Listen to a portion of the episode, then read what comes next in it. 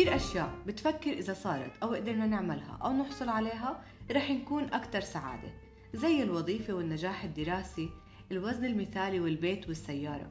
كل هاي الأمور مهمة وإلها تأثير على حياتنا لكن نسبة تأثيرها على سعادتنا 10% بس. اليوم بهاشتاج عبر صح بدنا نعرف شو شعور السعادة وكيف بنشعر فيه وشو الأشياء اللي بتعزز وجودها بحياتنا وكيف نعلم أطفالنا إنهم يعززوا شعور السعادة بحياتهم.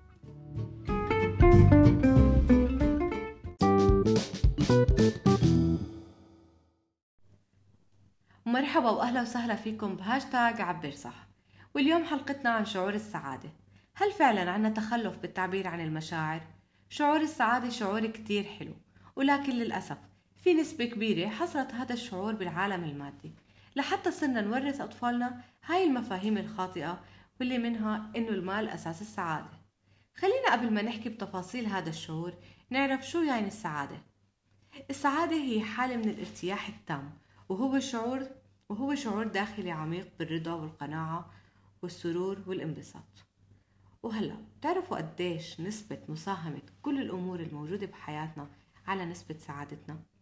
خمسين بالمية من السعادة جينات وراثية وعشرة بالمية ظروف الحياة وأربعين بالمية وعنا تحكم كامل عليها وهي اللي بتسيطر على سعادتنا النوايا والعادات اليومية. خمسين بالمية بترجع السعادة للجينات بضل خمسين بالمية. الإنسان بتحكم فيها وبقدر إنه يعارض نسبة السعادة الموروثة من الجينات. من خلال تحسين بعض السلوكيات وهذا اللي رح نركز عليه اليوم. في أشياء ممكن نعملها تزيد من سعادتنا بالحياة ونكون عايشين بسعادة ونكون إحنا المتحكمين بمدى وجودها بحياتنا. السعادة قابلة للتعلم لأنها مرتبطة بسلوكيات طويلة المدى. فلازم نلتزم ونلزم نفسنا بسلوكيات حتى تزيد سعادتنا. في أشياء تطبيقها بالحياة اليومية ما بيحتاج جهد كبير وفي أشياء رح تحتاج لجهد. خلينا نبلش بالسهل. أول شي كون لطيف. نقدر نزيد سعادتنا إذا بس كنا أشخاص لطيفين تخيلوا. اعمل شي واحد باليوم صغير أو كبير تجاه الآخرين بشكل عشوائي. ممكن يكون عمل تطوعي ممكن مجاملة أو ابتسامة. هذا الإشي رح يرفع نسبة السعادة عندك. بتعرفوا إنه في دراسة مجرد بس إنك تفكر إنه تعمل إشي لطيف بترفع نسبة السعادة. تاني إشي التواصل الاجتماعي اللي هو التواصل مع الآخرين. التعامل الإيجابي مع الآخرين بيعزز الإيجابية وبيرفع درجة سعادتك. التمارين الرياضية والنوم. بنحكي بالنوم اللي هو النوم الكافي سبع ساعات بالليلة والتأمل. لأنه العقل المتجول غير سعيد إحنا بحاجة التأمل. لأنه بحاجة إنه نكون عايشين باللحظة الحالية. من فوائد التأمل بيزيد مزاجنا الجيد بقلل الإجهاد بيعزز المادة الرمادية بالدماغ. إذا كنت جديد على التأمل جربه بس لمدة خمس دقايق باليوم. التأمل مو لازم تقعد وترفع أصابعك وتغمض عيونك. حابة أوضح لكم هاي النقطة. الهدف من التأمل إنك تكون حاضر ما يكون عقلك بفكر بألف إشي. ممكن تركز على النفس ممكن تكون بتركض تركز على خطواتك. لأنه إحنا ما بنركز على الإشي يلي لازم نركز عليه. عائلنا دائما بوضع افتراضي. بتفكر بالماضي بالمستقبل بالعشاء. شو بدك تعمل لما ما تكون هون؟ لهيك التأمل من أكثر الأشياء البسيطة ما بتحتاج جهد وإلها تأثير كبير على سعادتنا. هاي الخمس عادات سهلة إلها تأثير على سعادتك بنسبة كتير كبيرة. حتى هلأ لو أنت بتسمعني حسيت إنها أشياء بسيطة مش ممكن تأثر إلها تأثير ملحوظ. صدقني. في طرق تانية تأثيرها أقوى وأطول لكن بدها نية وإرادة صادقين في عنا أنشطة معتمدة على الجهد إلها تأثير قوي على السعادة على المدى الطويل. أكثر بكتير من علم الوراثة وأكثر من ظروفنا. هاي الأنشطة ما رح تكون عادات على طول بدنا نشتغل عليها لحتى تصير عادة. أول شيء أو أول أول نشاط اللي هو نستثمر بالتجارب بدل الأشياء المادية. وأنا هاي الاستراتيجية جربتها مع بنتي سيرينا. سيرينا يوم الخميس عيد ميلادها أول شي كانت بدها تعمل حفلة وبلشت تقرر شو الهدايا يلي حابة تحصل عليها بعيد ميلادها. بعد ما خلصت تفكير اقترحت عليها إنه بهذا اليوم ما إنه يوم مميز إني أخذها على الألعاب لتقضي اليوم بشكل كتير مختلف. وضحت لها بتحبي حفلة نشتري الكيكة وتجي وتجيكي الهدايا يلي طلبتيها؟ أو بتحبي نحتفل بطريقة مميزة وتجربي أشياء جديدة وتركت لها حرية الاختيار. وصراحة ما تفاجأت من جوابها إنها اختارت تعيش تجربة جديدة لأنه الأطفال لسه عقلهم على الفطرة ما عندهم برمجيات خاطئة. وهي من أكثر الأشياء اللي, بتج... اللي بتجذبني بتعاملي مع الأطفال إنه منعيش الفطرة يلي الله خلقنا عليها. طبعا الشعور حاليا متحمسة ويمكن كل شخص بيعرفها متحمس يشوفها قد ما حكت عن هذا اليوم وشو بدها تعمل فيه. وأكيد رح أشارككم صور عن هاي التجربة على حسابها على الانستغرام لحتى نوثق لحظات السعادة ونضل نتذكرها. هلا التجارب أفضل من الأشياء المادية لأنه ممكن تشارك الناس عن تجاربك بيكون أكتر متعة من لما تخبر الناس عن إشي مادي اشتريته. تخيل سمعت عن تجربة تزلج لشخص رح تكون ممتعة أكتر من لما تسمع إنه اشترى تيشيرت جديد. وصار يخبرك قديش مريح باللبس وعملي وما بيوبر وبلا بلا بلا. تاني شيء التجارب أقل عرضة للمقارنة الاجتماعية لأنه كتير صعب إنه تقارن تجربة تزلج أنت عملتها مع تجربة شخص تاني.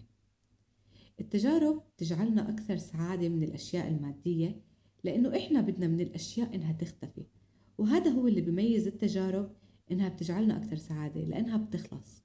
وما بيكون عندك وقت كافي إنه تتأقلم معها وما بتاخد منها إلا الذكرى الخاصة فيك. تاني نشاط بيعتمد على الجهد وتأثيره قوي على السعادة هو التذوق. هلأ كيف التذوق بده يكون استراتيجية ترفع سعادتك من خلالها؟ هلأ التذوق ممكن يكون أكل كيكة آيس كريم تجربة. هلأ ممكن التذوق من خلال التصوير إذا أنت كنت من الأشخاص اللي بيوثقوا تجاربهم بالصور وبينزلوها إنستغرام. استخدم الكاميرا للتفكير في تجاربك. تذوق الأشياء اللي حدثت بالماضي والتفكير فيها مرة تانية رح يزيد من سعادتك. في دراسة انعملت طلبوا فيها مجموعة من الطلاب يعيدوا ذكرياتهم السعيدة في عقلهم لمدة 8 دقائق باليوم لمدة 3 أيام في الأسبوع. طلبوا منهم يفكروا بالحدث مثل لو كأنهم بيحضروا شريط فيديو. هاي الدراسة كان أثرها ضخم على زيادة السعادة والناس اللي شاركت بالدراسة زادت مشاعرهم الإيجابية. وبعد أربع أسابيع عملوا استقصاء مرة تانية والنتيجة إنه المشاعر الإيجابية لسه موجودة. هاي الفكرة من تذوق الطعام تجربة الأشياء في اللحظة والتفكير والتواجد فيها لاحقا. ممكن إنه يساعدنا نرفع السعادة مرة تانية وحتى نتدرب على استراتيجية التذوق ممكن إنك تمارس الامتنان. بلش بالامتنان إذا أنت كنت جديد عليه إنك تكتب خمس أشياء وأنت ممتن عليها في يومك حتى لو كانت بسيطة. أكثر شيء لفتني في الامتنان وأنا عم بدرس فيه وعم بحضر عنه إنه لو كان عندك أعراض جسدية سلبية أو كنت مريض أو عندك شيء مزعجك هاي الأعراض بتنخفض لما تشعر بالامتنان. ممكن تستفيد من قوة الامتنان كمان لما تمارسه مع الآخرين لما تعبر عن شعور الامتنان لأفعال الآخرين لما حد يعمل لك شيء منيح وتعبر له عن شعور الامتنان هذا الإشي بيرفع من نسبة السعادة عندك. واليوم آه، حتى تحطوا أي هدف موضوع تنفيذ رح أحكي لكم اليوم عن استراتيجية اسمها ووب.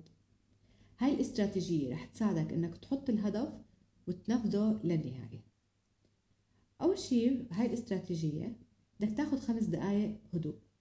وبقصد بالهدوء إنه ما يكون في مقاطعة لإلك.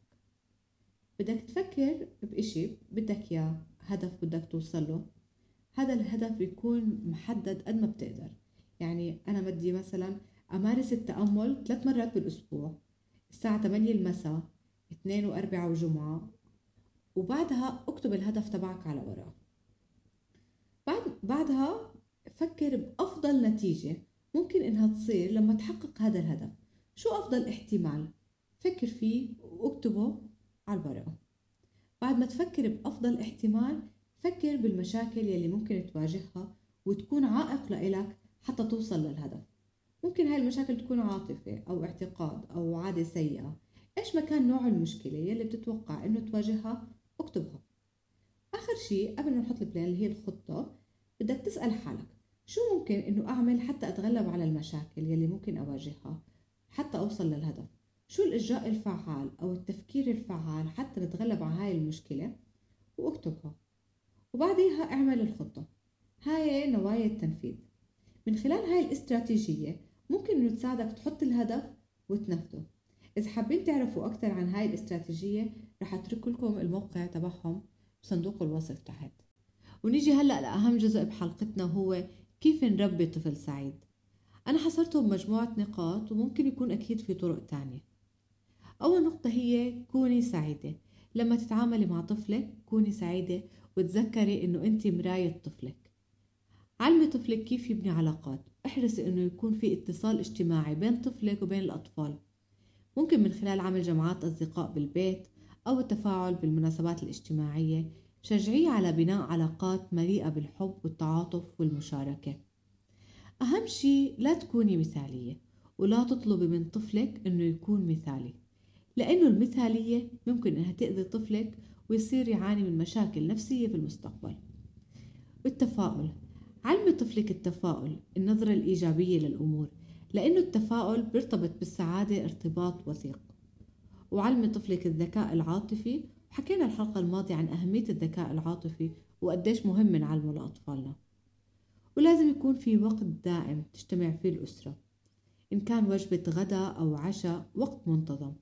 أثبتت الدراسات أنه الأطفال اللي بتناولوا العشاء مع عائلتهم بشكل منتظم بيكونوا أكثر استقرار من الناحية العاطفية والنفسية. وحتى نكون عائلة سعيدة لازم يكون في احترام وضع حدود واحترامها ونقلل من نوبات الغضب في المنزل حتى تضل صورة المنزل مكان للعطاء والحب. ولهون بتكون خلصت حلقتنا اليوم.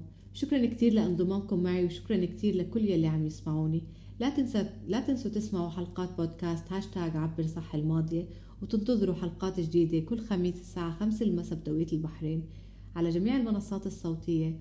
وإذا استفدتوا من حلقة اليوم لا تنسوا تشاركوها مع أصدقائكم وتعطوني تقييمكم على الأبل بودكاست. بشوفكم بحلقة جديدة وكونوا سعيدين. thank you